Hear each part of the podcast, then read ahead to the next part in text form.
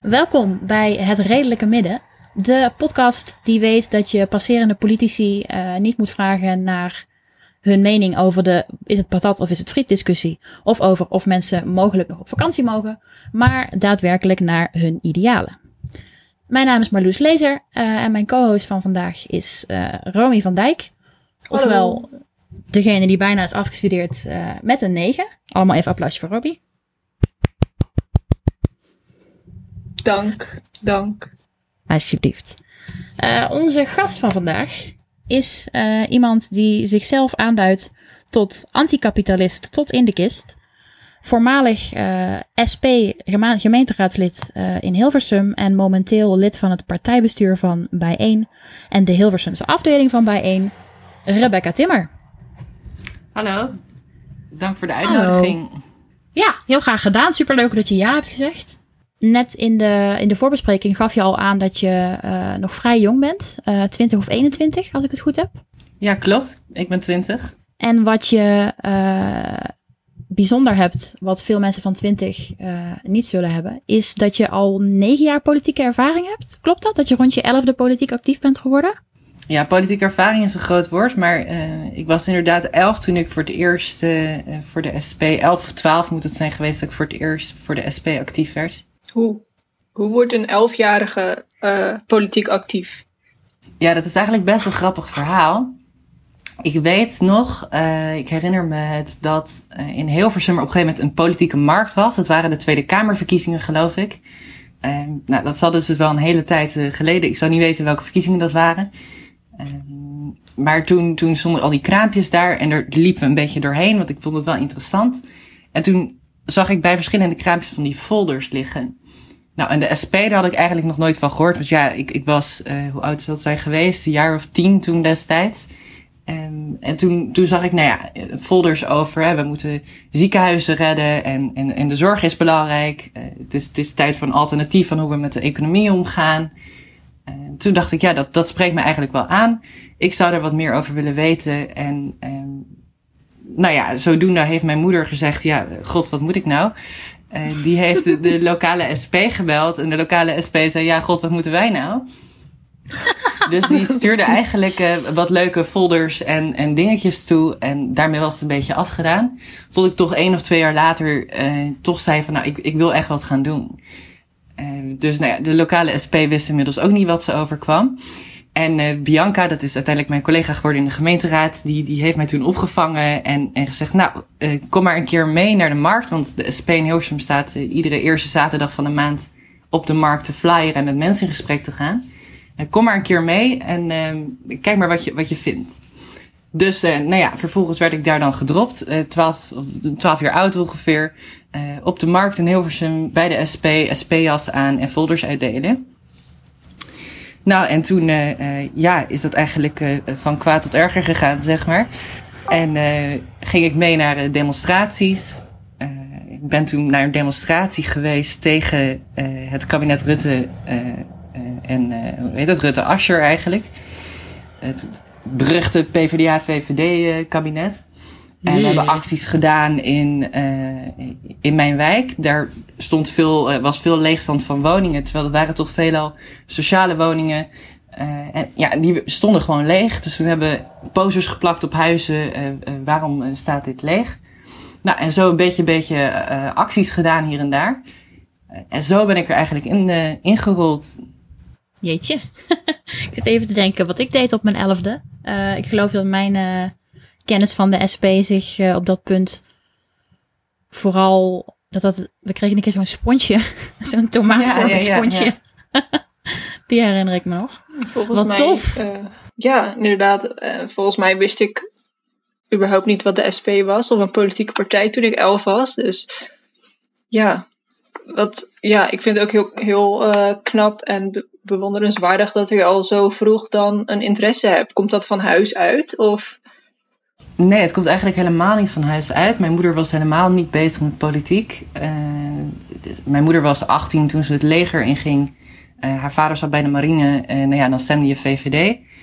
Maar later, toen ze in scheiding lag met mijn vader, toen, toen, toen stemde ze op Balkenende, omdat Balkenende zei dat een, man niet weg moest gaan bij zijn vrouw. En op het moment dat ik haar vertelde wat ze moest, of dat ik bij de politiek betrokken raakte, vertelde ik haar wat ze moest stemmen. Dus mijn moeder, die was niet heel erg betrokken bij de politiek. En ja, met mijn vader had ik het eigenlijk niet over politiek. Hè. Mijn ouders waren ook gescheiden, ik woonde bij mijn moeder. Dus ik heb dat helemaal niet zo vanuit huis meegekregen. Maar ik denk wel, ja, ik, ik, ik ben geboren in 99, dus uh, ja, ik ben opgegroeid hè, met die economische crisis uit 2008. Uh, de, mm -hmm. ja, het opkomend belang van, van de klimaatcrisis. Ik denk dat dat wel iets is wat je al vroeg kan, uh, ja, politiek bewust kan maken. Ja, precies. Je zag dingen om je heen waarvan je dacht, hier, hier wil ik iets mee, hier, hier moet iets mee gebeuren. En vervolgens zag je de, de foldertjes bij de SP en was uh, 1 en 1 zo'n beetje 2 om daadwerkelijk actief erin te rollen, zeg maar. Ja, ja zeker. Ik ben dan wel heel blij dat je foldertjes van de SP hebt ge gehad en niet van D66. Nou, ik heb ze destijds wel gehad van het CDA, dat weet ik nog goed. Dat, dat moment zal ik niet vergeten. Op diezelfde politieke markt kreeg ik er ook een van het CDA in mijn handen geduwd. Maar toen wist ik al gauw van, nou, dat, dat uh, blijf maar met die folder weg uh, bij mij. Oh. dus ze hebben een poging ook... gedaan, maar ze hebben me niet gestrikt. Ook dan best knap dat je dan toch al een uh, intuïtie hebt voor wat wel en niet politiek deugt. Ja, nou ja, op zich, Balkenende was toen volgens mij nog minister-president, dus dan... Ja. Ja, ik vergeet soms soort van dat Balkenende bestaan heeft. Aangezien we voor mijn gevoel al sinds het begin der tijden met Rutte opgezadeld zitten nu. Terwijl ik dat toch ook nog meegemaakt heb met Balkenende en zijn skateboard. Balkenende en zijn skateboard, ja. Ja, en ik, ik zag hem nog wel eens op de universiteit en dan gaf ik hem een boze blik. Ik mis dat wel. Die boze blik geven? Ja. Ja, dat snap ik wel. Stink eye geven is uh, ja, precies. vreemd bevredigend. M mijn stukje activisme is dat. Yes. um, en je bent toen ook in de gemeenteraad gekomen voor de SP, toch? Ja, dat was een, een flink aantal jaren later natuurlijk. Um, mm-hmm. Ik denk dat ik dus, uh, uh, dus van mijn twaalfde, dertiende, zoiets was ik actief voor de SP. Toen een tijd wat minder. Uh, überhaupt actief geweest. nog een beetje rondgelopen bij de internationale socialisten. En toen ik 17 was, toen, ja, toen kwamen die Tweede Kamerverkiezingen er weer aan. Dus eigenlijk afgelopen mm-hmm. verkiezingen, toen dacht ik, ja, um, ik, ik ben nu wel bezig met, weet ik veel, Marx lezen en, en dat soort ongein. Maar wat gaan we nou concreet veranderen op het moment dat ik hier in, in de wijk loop? Um, wat draagt het lezen van Marx en Lenin nou precies bij uh, aan de situatie van de mensen hier in de wijk? Dus toen heb ik uh, toch weer de, de SP opgebeld. Ik zeg, yo, ik ben al een tijdje niet geweest. Ik heb tussendoor nog wel eens een actie gedaan, maar ja, eigenlijk niet meer structureel. Uh, en ik zou dat toch wel weer willen doen. Dus toen voorjaar van 2017 teruggaan, uh, uh, meer actief geworden weer bij de SP, bestuurslid geworden, organisatiesecretaris van de afdeling. Um, toen voor de fractie gaan werken en nou ja, toen de raad ingerold. Wauw. Sorry, ik vind het heel cool dat je. Ja, ik weet niet, dat je toen al die, die vertaalslag soort van maakte naar. Ik zie dingen om me heen, uh, daar moeten we wat mee, dus ik ga nu de politiek in. Um, en vooral ook dat je daar zo duidelijk principieel in bent. Uh, want dat heeft op een bepaalde manier, als ik het goed lees tussen de regels door in de nieuwsberichten, uiteindelijk ook geleid tot jouw overstap naar bijeen. Klopt dat? Want dat, was, uh, dat had onder andere te maken met uh, antiracisme, jouw aan, aanwezigheid bij Kick-Out Zwarte Piet demonstraties. Ja, klopt. Ik ben natuurlijk maar vrij kort raadslid geweest voor de SP. Uh, van, nou ja, in maart verkozen en in december was ik alweer weg.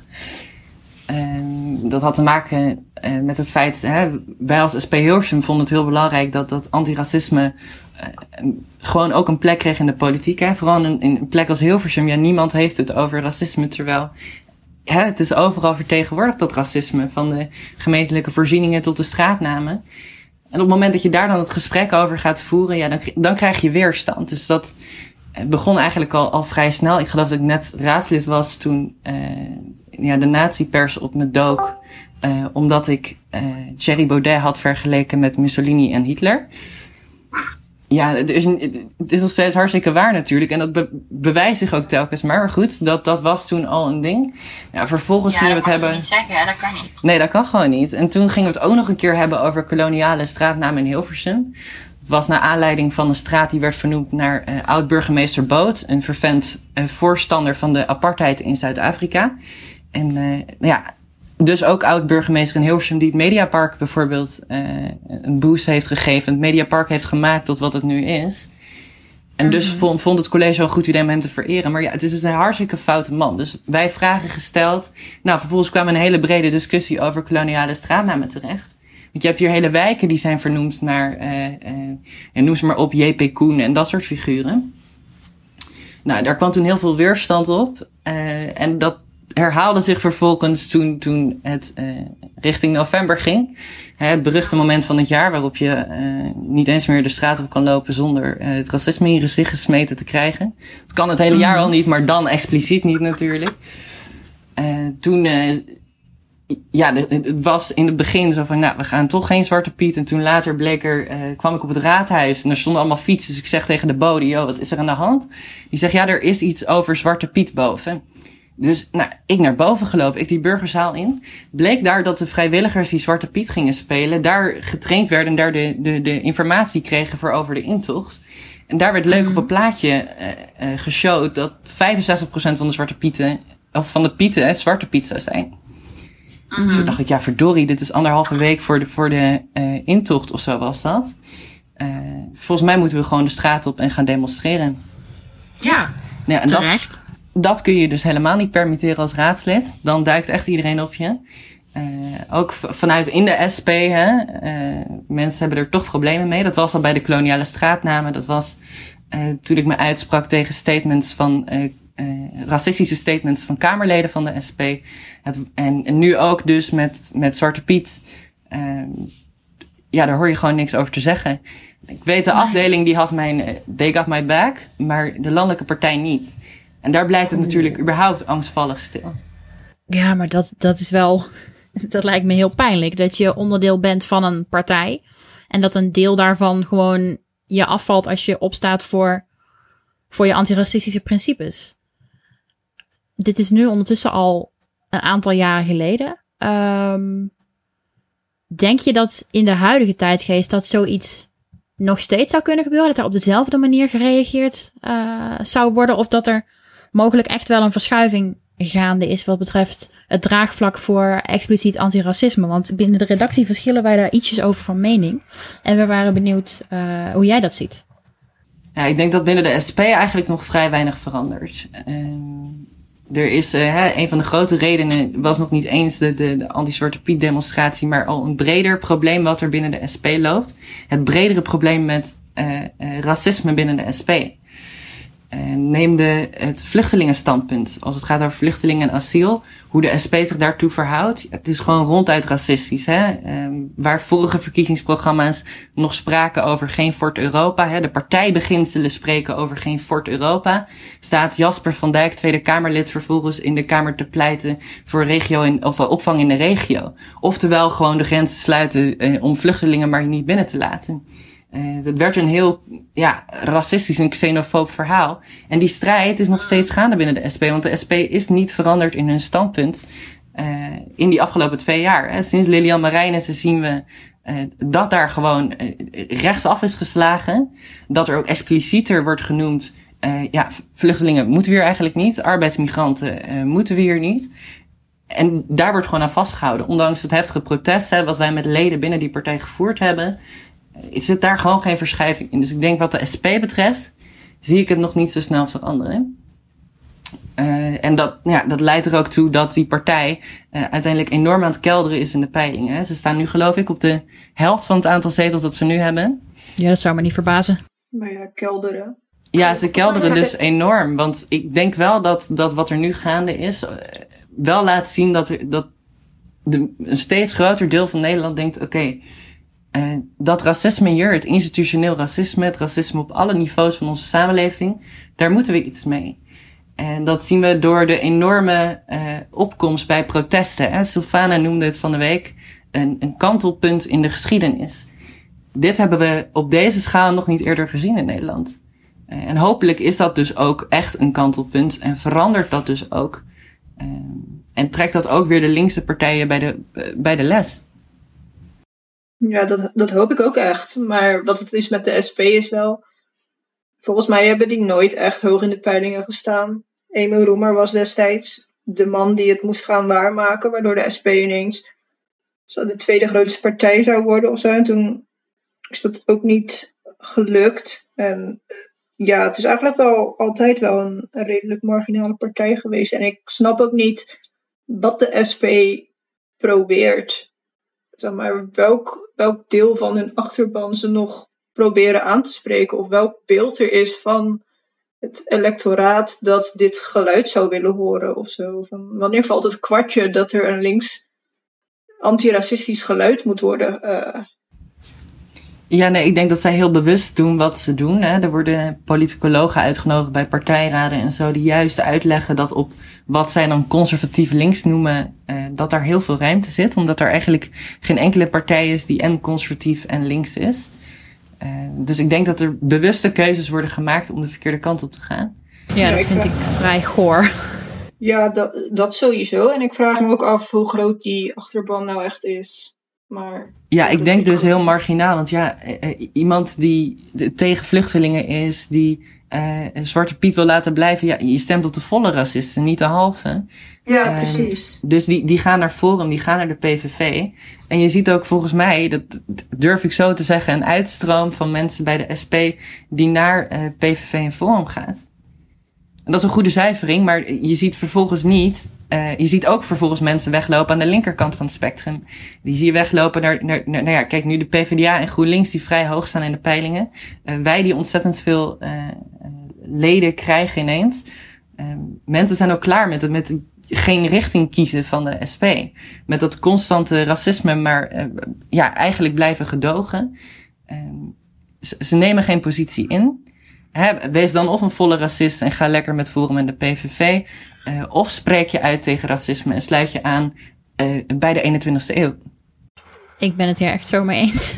Ja, Doe het helemaal. Hè? Als je dan zo nodig uh, racisten weg wilt snoepen van, ik denk voornamelijk de PVV.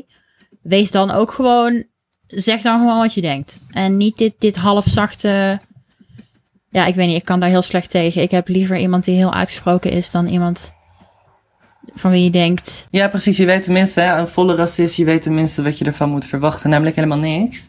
Um, en van ja, de SP, precies. ik weet dat er ja. gewoon heel veel leden zijn ook binnen de SP die nog steeds de hoop hebben dat die partij een keer, uh, uh, hoe noem je dat, het, het, uh, het licht gaat zien.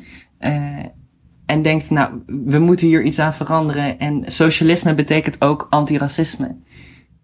En ik vind het vooral ook gewoon pijnlijk dat die, dat die SP, en niet alleen voor hun eigen leden, en vooral niet uh, alleen ook voor hun niet-witte leden, maar ook voor de hele samenleving gewoon niet kiest uh, voor expliciet antiracisme. Ja, en ik denk dat in het huidige tijdperk antiracisme de enige optie zou moeten zijn. Je kunt niet half tegen racisme zijn of onder bepaalde voorwaarden tegen racisme zijn. Net zoals je wat mij betreft ook niet kunt zeggen uh, ja, ik vind homoseksualiteit prima. Uh, maar waarom doen ze nou zo raar op de Canal Parade en daar ben ik het niet mee eens? Doe, doe het helemaal of doe het niet. Dus voor de mensen die nu luisteren en die hopen dat de SP nog het tij gaat keren, uh, heb ik een vriendelijk advies en dat is ren. en stap over naar bijeen. En daar wil ik het graag even over hebben in het volgende onderwerp.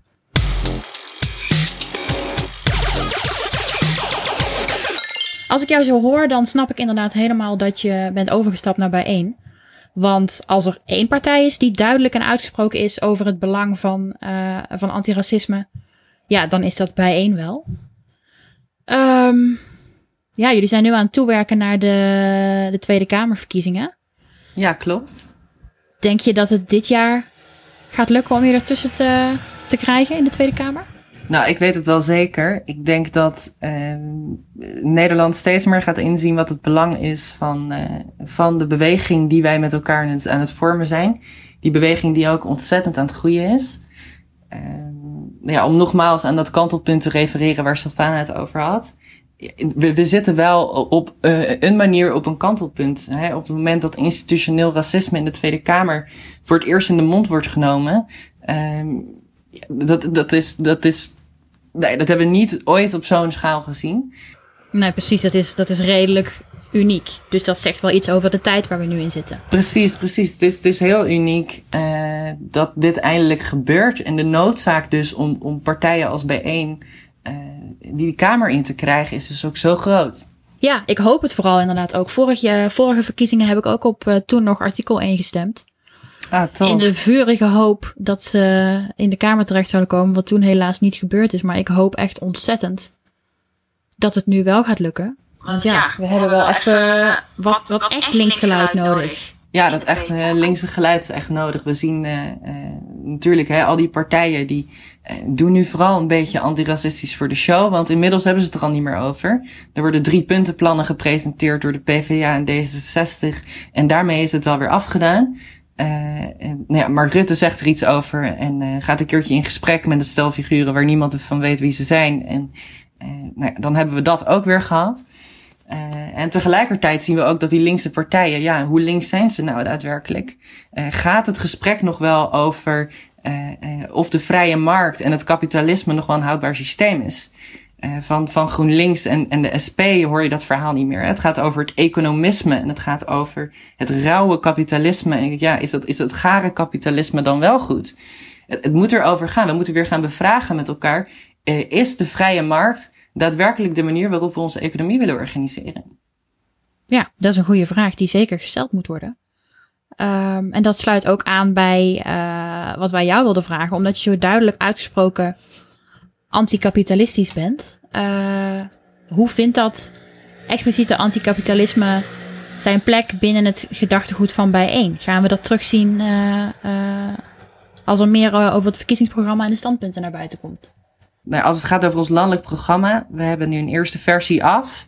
Die vorige week is hij naar de redactie opgestuurd. En ja, ik denk dat dat het meest linkse programma is dat Nederland in decennia gezien heeft, in ieder geval.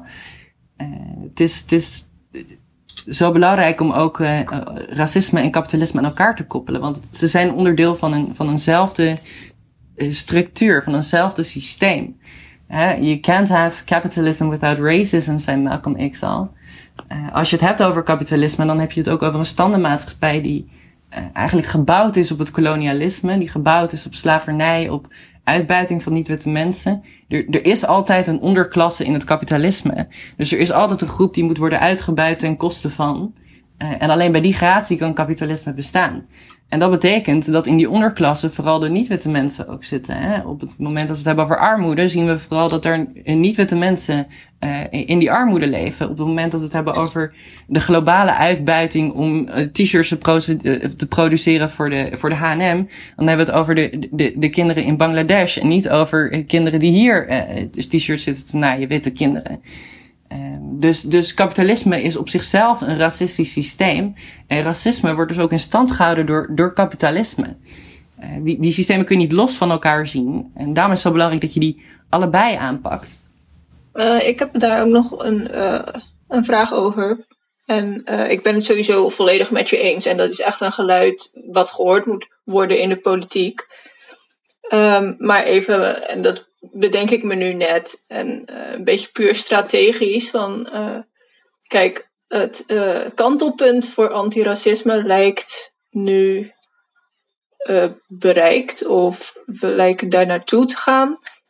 Maar ik heb zelf het idee dat anticapitalisme nog een stapje verder is. En dat dat er een risico bestaat dat je toch weer een deel van je achterban vervreemdt op het moment dat je die anticapitalistische agenda gaat uh, samenstellen en uit, uitspreken. Dus hoe zorg je er dan voor dat die boodschap die echt moet doordringen, hoe zorg je daar dan voor dat dat gebeurt en dat je niet een deel van je achterban weer verliest? Nou ja, ik denk niet dat we per se mensen in onze achterban verliezen, omdat we kunnen het wel hebben over dat hele grote eh, monster van het kapitalisme en grote ideologische begrippen. Maar eigenlijk is het ook iets heel praktisch. Hè? Kapitalisme zorgt ervoor dat, dat de zorgkwaliteit achteruit gaat. Dat jij, uh, als jij hè, in, in die ondere, onderste sociaal-economische ladder zit, dat jij je helemaal uh, schil betaalt aan de zorg. Het zorgt ervoor dat uh, jij naar de voedselbank moet, terwijl er ondertussen elders in het land tonnen aan aardappels over zijn. Uh, het, het, het, kapitalisme zorgt ervoor dat, dat jij tegen een minimumloon van 10 euro per uur max uh, moet gaan werken en, en je staat uit te sloven. Zorgt ervoor dat, dat het werk dat jij verricht, eigenlijk uh, dat je vervreemd wordt van het werk. Dat je wordt uitgebuit. Eigenlijk hè, als iemand die weinig verdient, ben jij eigenlijk de, de, is jouw werk financiert de Ferraris van jouw bazen en de villa's uh, van jouw managers. Dus het is, dat anticapitalisme is een heel tastbaar verhaal. Het gaat over de alledaagse situaties in de levens van mensen. En dus ook vooral van niet-witte mensen. Omdat die veelal door dat kapitalisme ook tot die onderste sociaal-economische klasse uh, uh, veroordeeld worden. En uh, om dan om dan nog even terug te komen, uh, hoe doe je anticapitalisme in de lokale politiek? In de lokale politiek, ja, dat is, dat is een uitdaging op zich. Want veel van de uh, uh, kaders die er zijn aan de, aan waar, waar je over kunt beslissen, die zijn eigenlijk al van, van hogerhand bepaald. als gemeente bepaal je niet zelf waar je wel of niet over gaat. Thans, tot, tot een zekere hoogte. Maar wat, waar ik me altijd vreselijk aan ergerde in die, in die gemeenteraad was dan uh, ja, eigenlijk dat, dat typische liberale argument, ja, maar daar gaan we niet over. Want dat, dat is gewoon hoe, hoe, we, hoe de vrije markt werkt. Wij gaan er niet over. We kunnen wel van alles vinden over hoe dat bedrijf zo, zo, zo, zo doet. We kunnen van alles vinden over uh, hoe de vrije markt werkt. Maar ja, we kunnen er niks aan doen, want we gaan er niet over. Ja, dan denk ik allereerst dat, dat de hele politiek, of dat nou lokaal is of landelijk, gewoon moet gaan beseffen, ja, we gaan er, we moeten er wel over gaan. Want het is absurd. Ja, we leven in een dictatuur van de zogenaamd vrije markt. Uh, wij hebben niks te beslissen over, over onze eigen economie. Terwijl wij verkiezen onze volksvertegenwoordigers. Op het moment dat ik hier stem voor de gemeenteraad, wil ik dat die gemeenteraad gaat beslissen wat hier gebeurt. Uh, en dat kan zo'n gemeenteraad niet door de vrije markt. Dus je moet ook je verantwoordelijkheid nemen, denk ik, als gemeentebestuur en als gemeenteraad. Uh, om ook af en toe te zeggen, ja, uh, dat groot bedrijf kan me de rug op. Uh, wij beslissen hier, dus onze stad. Wij zijn verkozen, niet zij als, als, als groot bedrijf of als multinational of als Primark of, of Nike. zij zijn niet verkozen, wij zijn verkozen, dus wij maken hier de dienst uit. Ja, helemaal mee eens. Ik zeg ook altijd tegen mensen die twijfelen of ze moeten gaan stemmen. Ga dan in godsnaam in elke geval naar de gemeenteraadsverkiezingen, want daar heb je het meeste directe invloed op de plek waar je woont. Ja. Zou je zeggen. Maar ja, dan moeten inderdaad niet uh, dingen gezegd worden als daar gaan wij niet over en dat is niet, uh, is niet door ons te bepalen. Ja. Dat uh, maakt het dan niet makkelijker. hebben jullie iets van onderzoek gedaan naar de electorale aantrekkingskracht van anticapitalisme? De, ja, dat, dat, dat klinkt al als een, als een kapitalistische uh, steekproef. Kijken hoe, uh, hoe anticapitalisme in de markt ligt. Ja, precies. ja, ja nee, dat klinkt wel grappig. Dat, ja. ja. Nee, maar uh, ik denk, hè, ons verhaal gaat niet over een, een kleine groep. Ons verhaal gaat over de meerderheid. Ons verhaal gaat over de 99 procent. Want het gaat over de alleenstaande moeders. En ons verhaal gaat over de sekswerkers. Ons verhaal gaat over uh, de niet-witte mensen die minimumloon verdienen. Maar het gaat ook over de ZZP'ers. Ons verhaal gaat over uh, uh, mensen die eigenlijk best prima verdienen. Maar toch de vruchten van, van hun productie niet, niet ontvangen. ons verhaal is, is zo'n groot verhaal.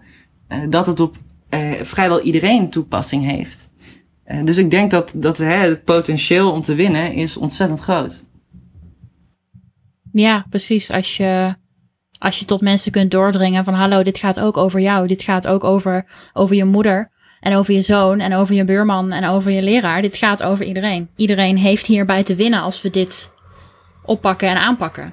Ja, en vooral laten we ook beseffen, want we kunnen wel denken, uh, ja, als we nu kijken naar die andere partijen, mensen stemmen al op die andere partijen, wat hebben wij dan daar nog te winnen? maar als we ook kijken naar wat, hoeveel mensen er niet stemmen in Nederland. Hè? Er zijn gemeenschappen in Nederland waar uh, gewoon 70% makkelijk gewoon niet stemt. Uh, die ja. mensen, die, die, die dus nu niet gehoord worden, die niet meebeslissen in Nederland. Uh, zoveel, zoveel partijen zeggen, ja, die moeten we betrekken en zo. Maar uiteindelijk komt het er toch weer op neer dat zij niet de radicale keuzes durven te maken om te zeggen, nou, we moeten die mensen ook echt zeggenschap geven. We moeten die mensen echt zekerheid geven. We moeten die mensen echt zelfbeschikking geven. Uh, en, en dat is wel wat wij anders doen. Ja, en wat je in die zin op een bepaalde manier ook mee hebt, is eigenlijk juist dat jullie nog niet in de Tweede Kamer zitten. Want ik hoor heel veel van mensen die om wat voor reden dan ook niet zijn gaan stemmen. Als je dan doorvraagt, dan is het ja, al die politieke partijen. Als je erop stemt, uh, dan zeggen ze wel dingen die ze willen bereiken. Maar als het erop aankomt, dan verhandelen ze die gewoon met elkaar en dan sluiten ze gewoon deeltjes, omdat ze onderdeel zijn van dat systeem. En jullie zouden daar helemaal nieuw in komen. Ja, nou ja, Rosa Luxemburg die, die schreef het al mooi. Um, het was in haar boek Hervorming of Revolutie. Hè, zat een, dat, nou ja, dit is heel onrelevant, meer dan eeuw geleden.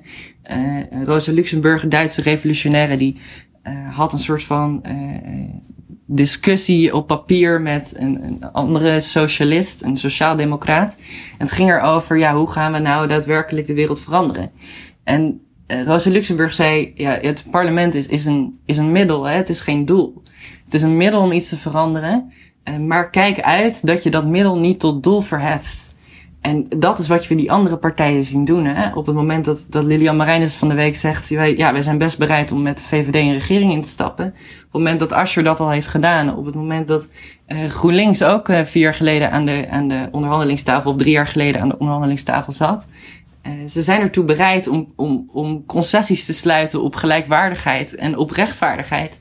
En volgens mij moeten we dat helemaal niet willen. Want de, de echte grote beweging zit niet in die Tweede Kamer. Er zitten maar 150 mensen. De echte beweging zit bij die 17 miljoen Nederlanders. Die gewoon hier in hun huis zitten, op straat lopen, hun boodschappen doen. Die strijd is niet een strijd van in de Tweede Kamer. Het is een strijd van, van een hele maatschappij.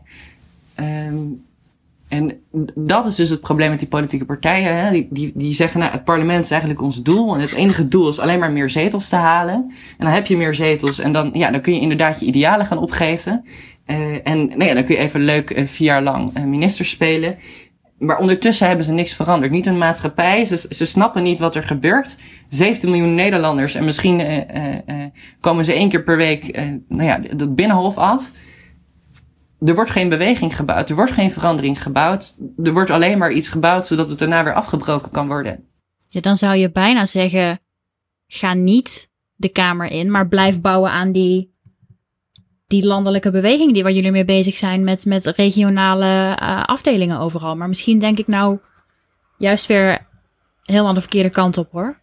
Ik denk dat het een het ander niet uitsluit, maar juist aanvult. En zo'n, zo'n hè, in dat parlement gaan zitten is toch uh, laten zien van wij doen mee. We zijn een echte speler in dit verhaal. Uh, ook in die Tweede Kamer gaat het ook om op kleine schaal toch dingetjes te kunnen veranderen. Uh, in het welzijn van de hele samenleving. en zoals Lenin zei, hè, vergeet nooit de kleine, of weiger nooit de kleine dingen te doen, want alle grote dingen zijn uit de kleine opgebouwd. dus ook dat, dat kleine werk in dat parlement en ook daar kun je kleine goede dingen uh, bereiken. Uh, tegelijkertijd heb je daar een podium om, om een veel bredere beweging te organiseren. Dus ik denk dat het juist een hele aanvulling is om in dat parlement te zitten terwijl je een beweging bouwt. Ja, precies. Dat je het van twee kanten oppakt. Zowel vanuit de regio's als vanuit de Kamer, als vanuit ja, overal waar je, waar je je plek kunt vinden, zeg maar. Ja, absoluut. Op wat voor, uh, wat zou je zeggen dat de op welke weerstand jullie het meest stuiten als je het gedachtegoed van bijeen uh, uitzet? Ja, wij zeggen natuurlijk heel, heel veel dingen. Hè? Wij zijn uh, antiracistisch, we zijn anticapitalistisch, we zijn uh, tegen het kolonialisme, we zijn tegen seksisme, tegen homofobie. Eigenlijk tegen heel veel dingen die in deze maatschappij zo zijn verankerd. en ja, dat stuit op weerstand. Op het moment dat je hè, een, een, een eigenlijk aankondigt van de manier waarop we dingen met elkaar georganiseerd hebben. Die, die zit fout, zorgt voor malaise, zorgt voor uh, uitsluiting, voor marginalisatie, voor uh, onderdrukking. ja, dan, dan ga je op weerstand stuiten. Maar goed, ik denk dat dat alleen maar goed is, want dan weet je dat je echt iets aan het veranderen bent. Uh, dus Assata Shakur zei eens, niemand heeft zijn vrijheid ooit gekregen door een beroep te doen op het moreel besef van zijn onderdrukkers ja, we kunnen wel vragen om dingen, maar uh, dat gaat niet helpen. Dus laten we vooral die, die, die weerstand oproepen, want dan weten we dat we ergens aan, aan het knagen zijn.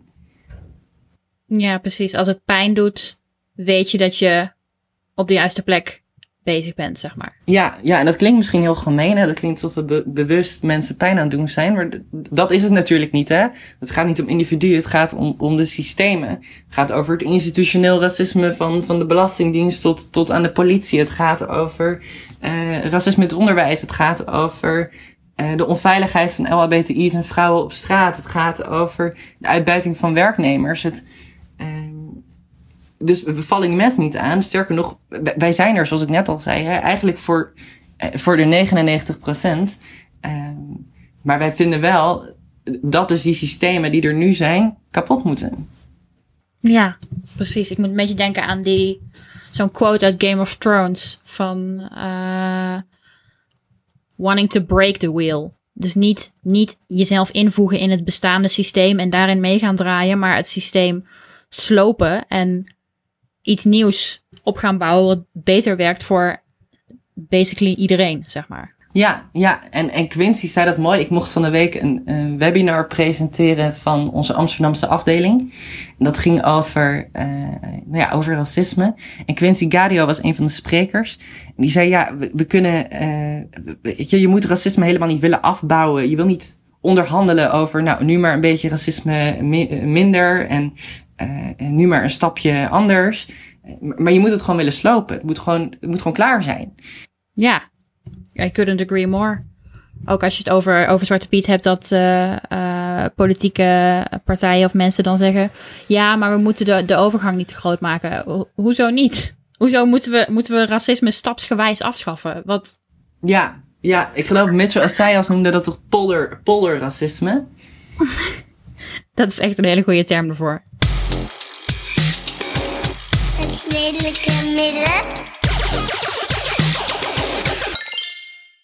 Als ik zo naar jou uh, en naar jullie luister, dan zijn zowel jij persoonlijk als bij een als partij uh, een partij die heel sterk gestoeld zijn op sterke principes.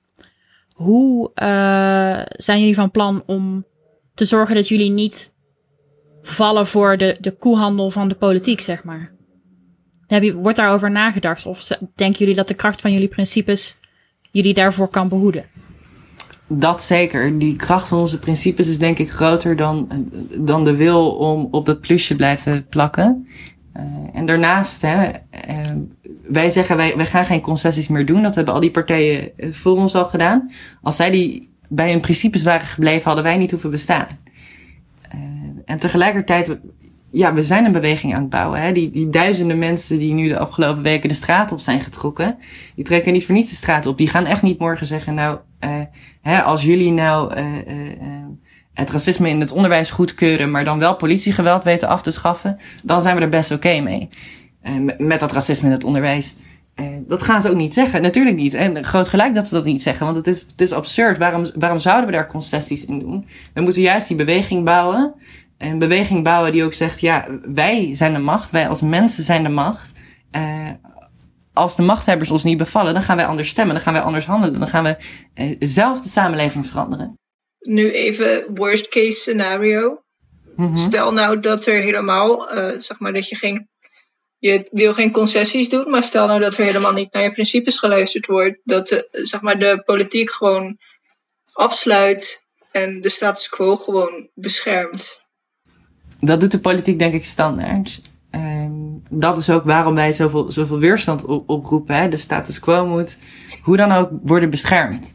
Dus daardoor komen mensen uh, in opstand. En ik denk dat dat gelijk uh, onze krachten is. De politiek kan zich niet afsluiten, want blijkbaar zijn wij een bedreiging. Op het moment dat wij een beweging bouwen, zijn wij een bedreiging voor het voortbestaan van de racistische en neoliberale status quo.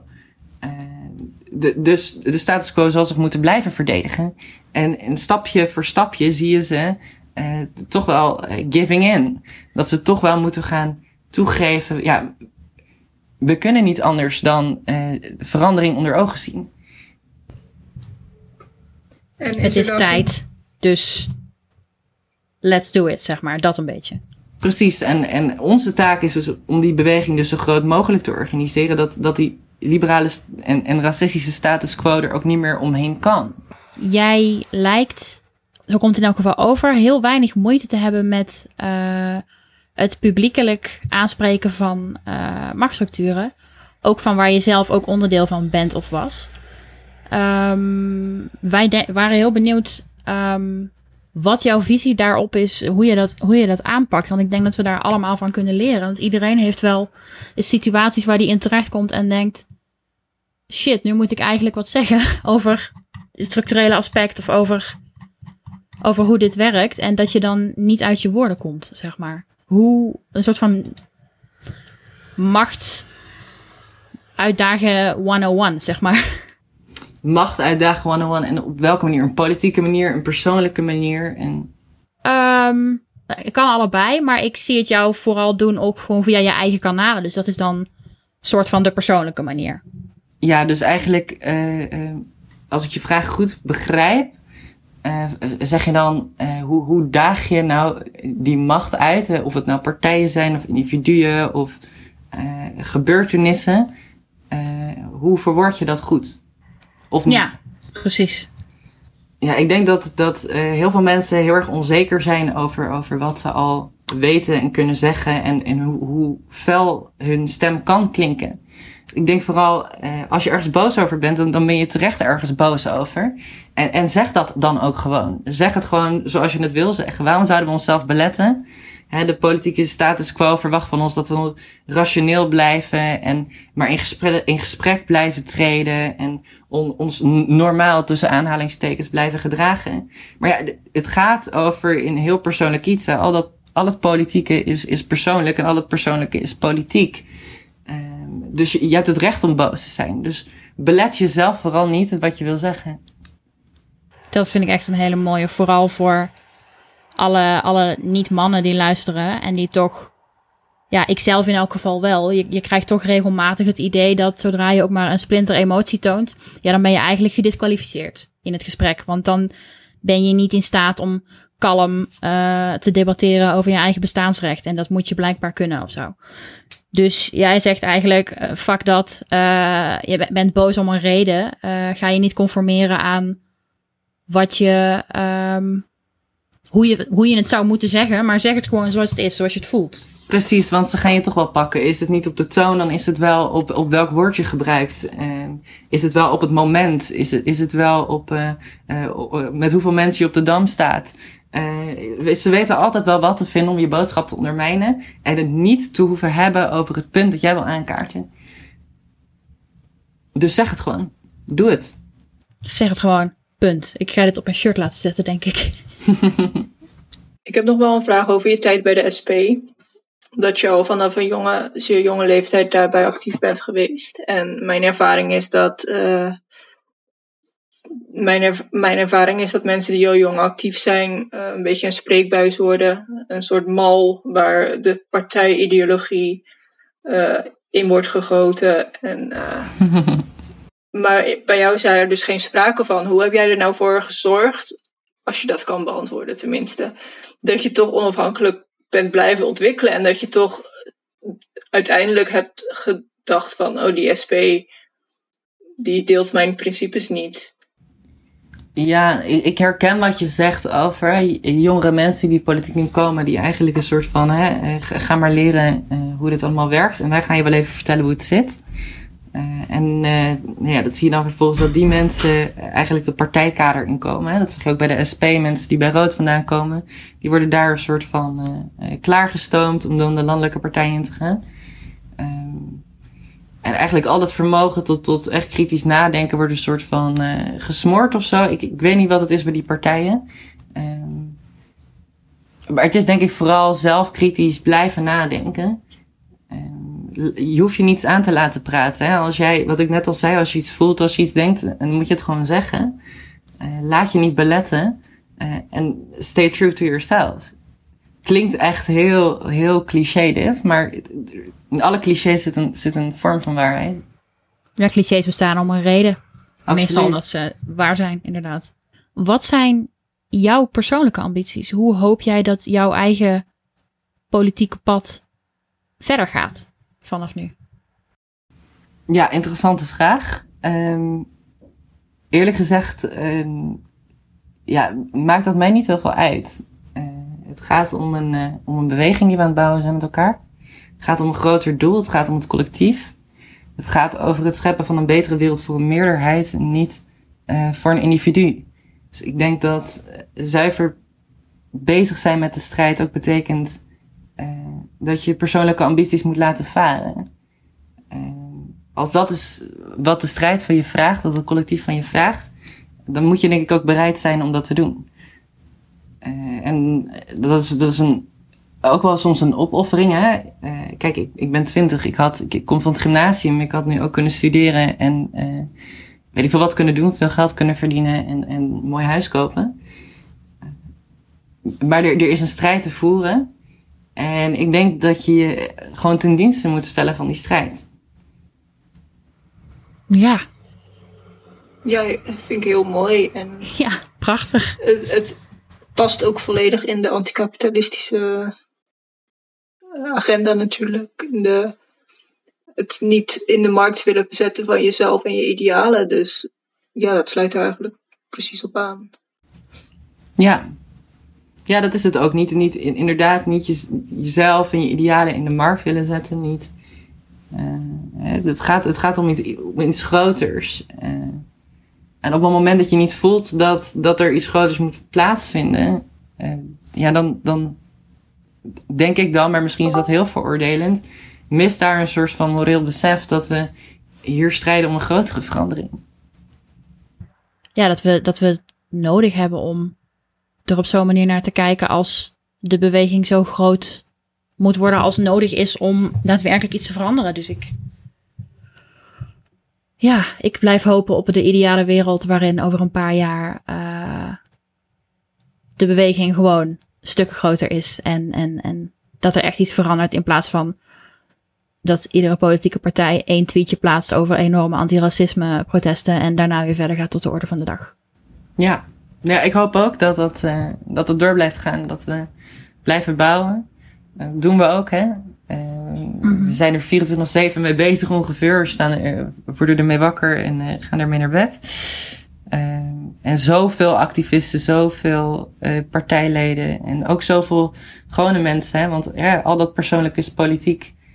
je staat s ochtends op om naar werk te gaan, om te werken voor, voor, voor, een laag loon. En je gaat slapen terwijl je die reclamepropaganda van grote bedrijven op je tv ziet. We hebben allemaal een strijd te leveren en die strijd gaat altijd door. Het is niet zo dat je uh, in één keer morgen niet meer uh, aan die onderkant van die sociale ladder staat. Het is niet dat je morgen in één keer niet meer zwart bent. Het is een strijd die we altijd voeren.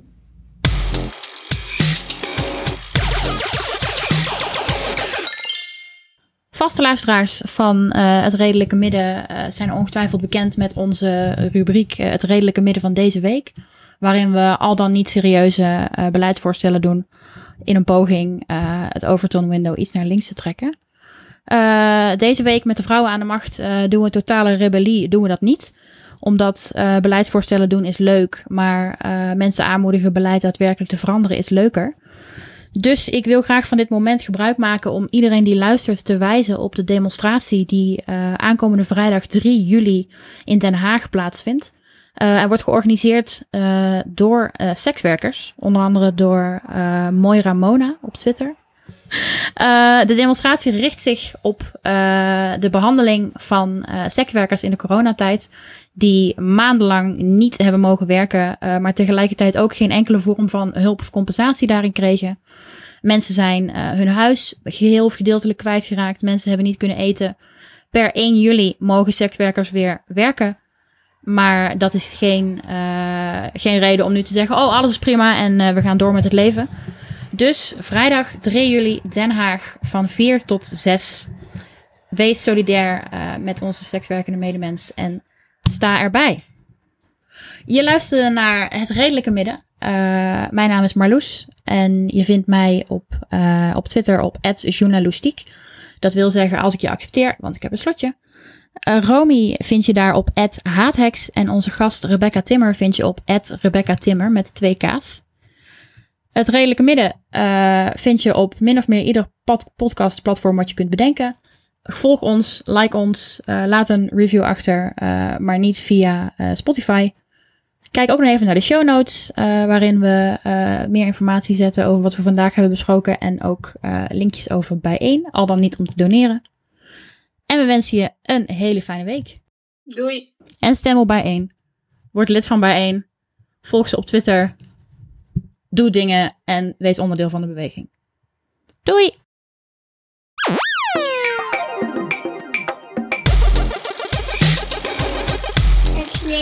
Het.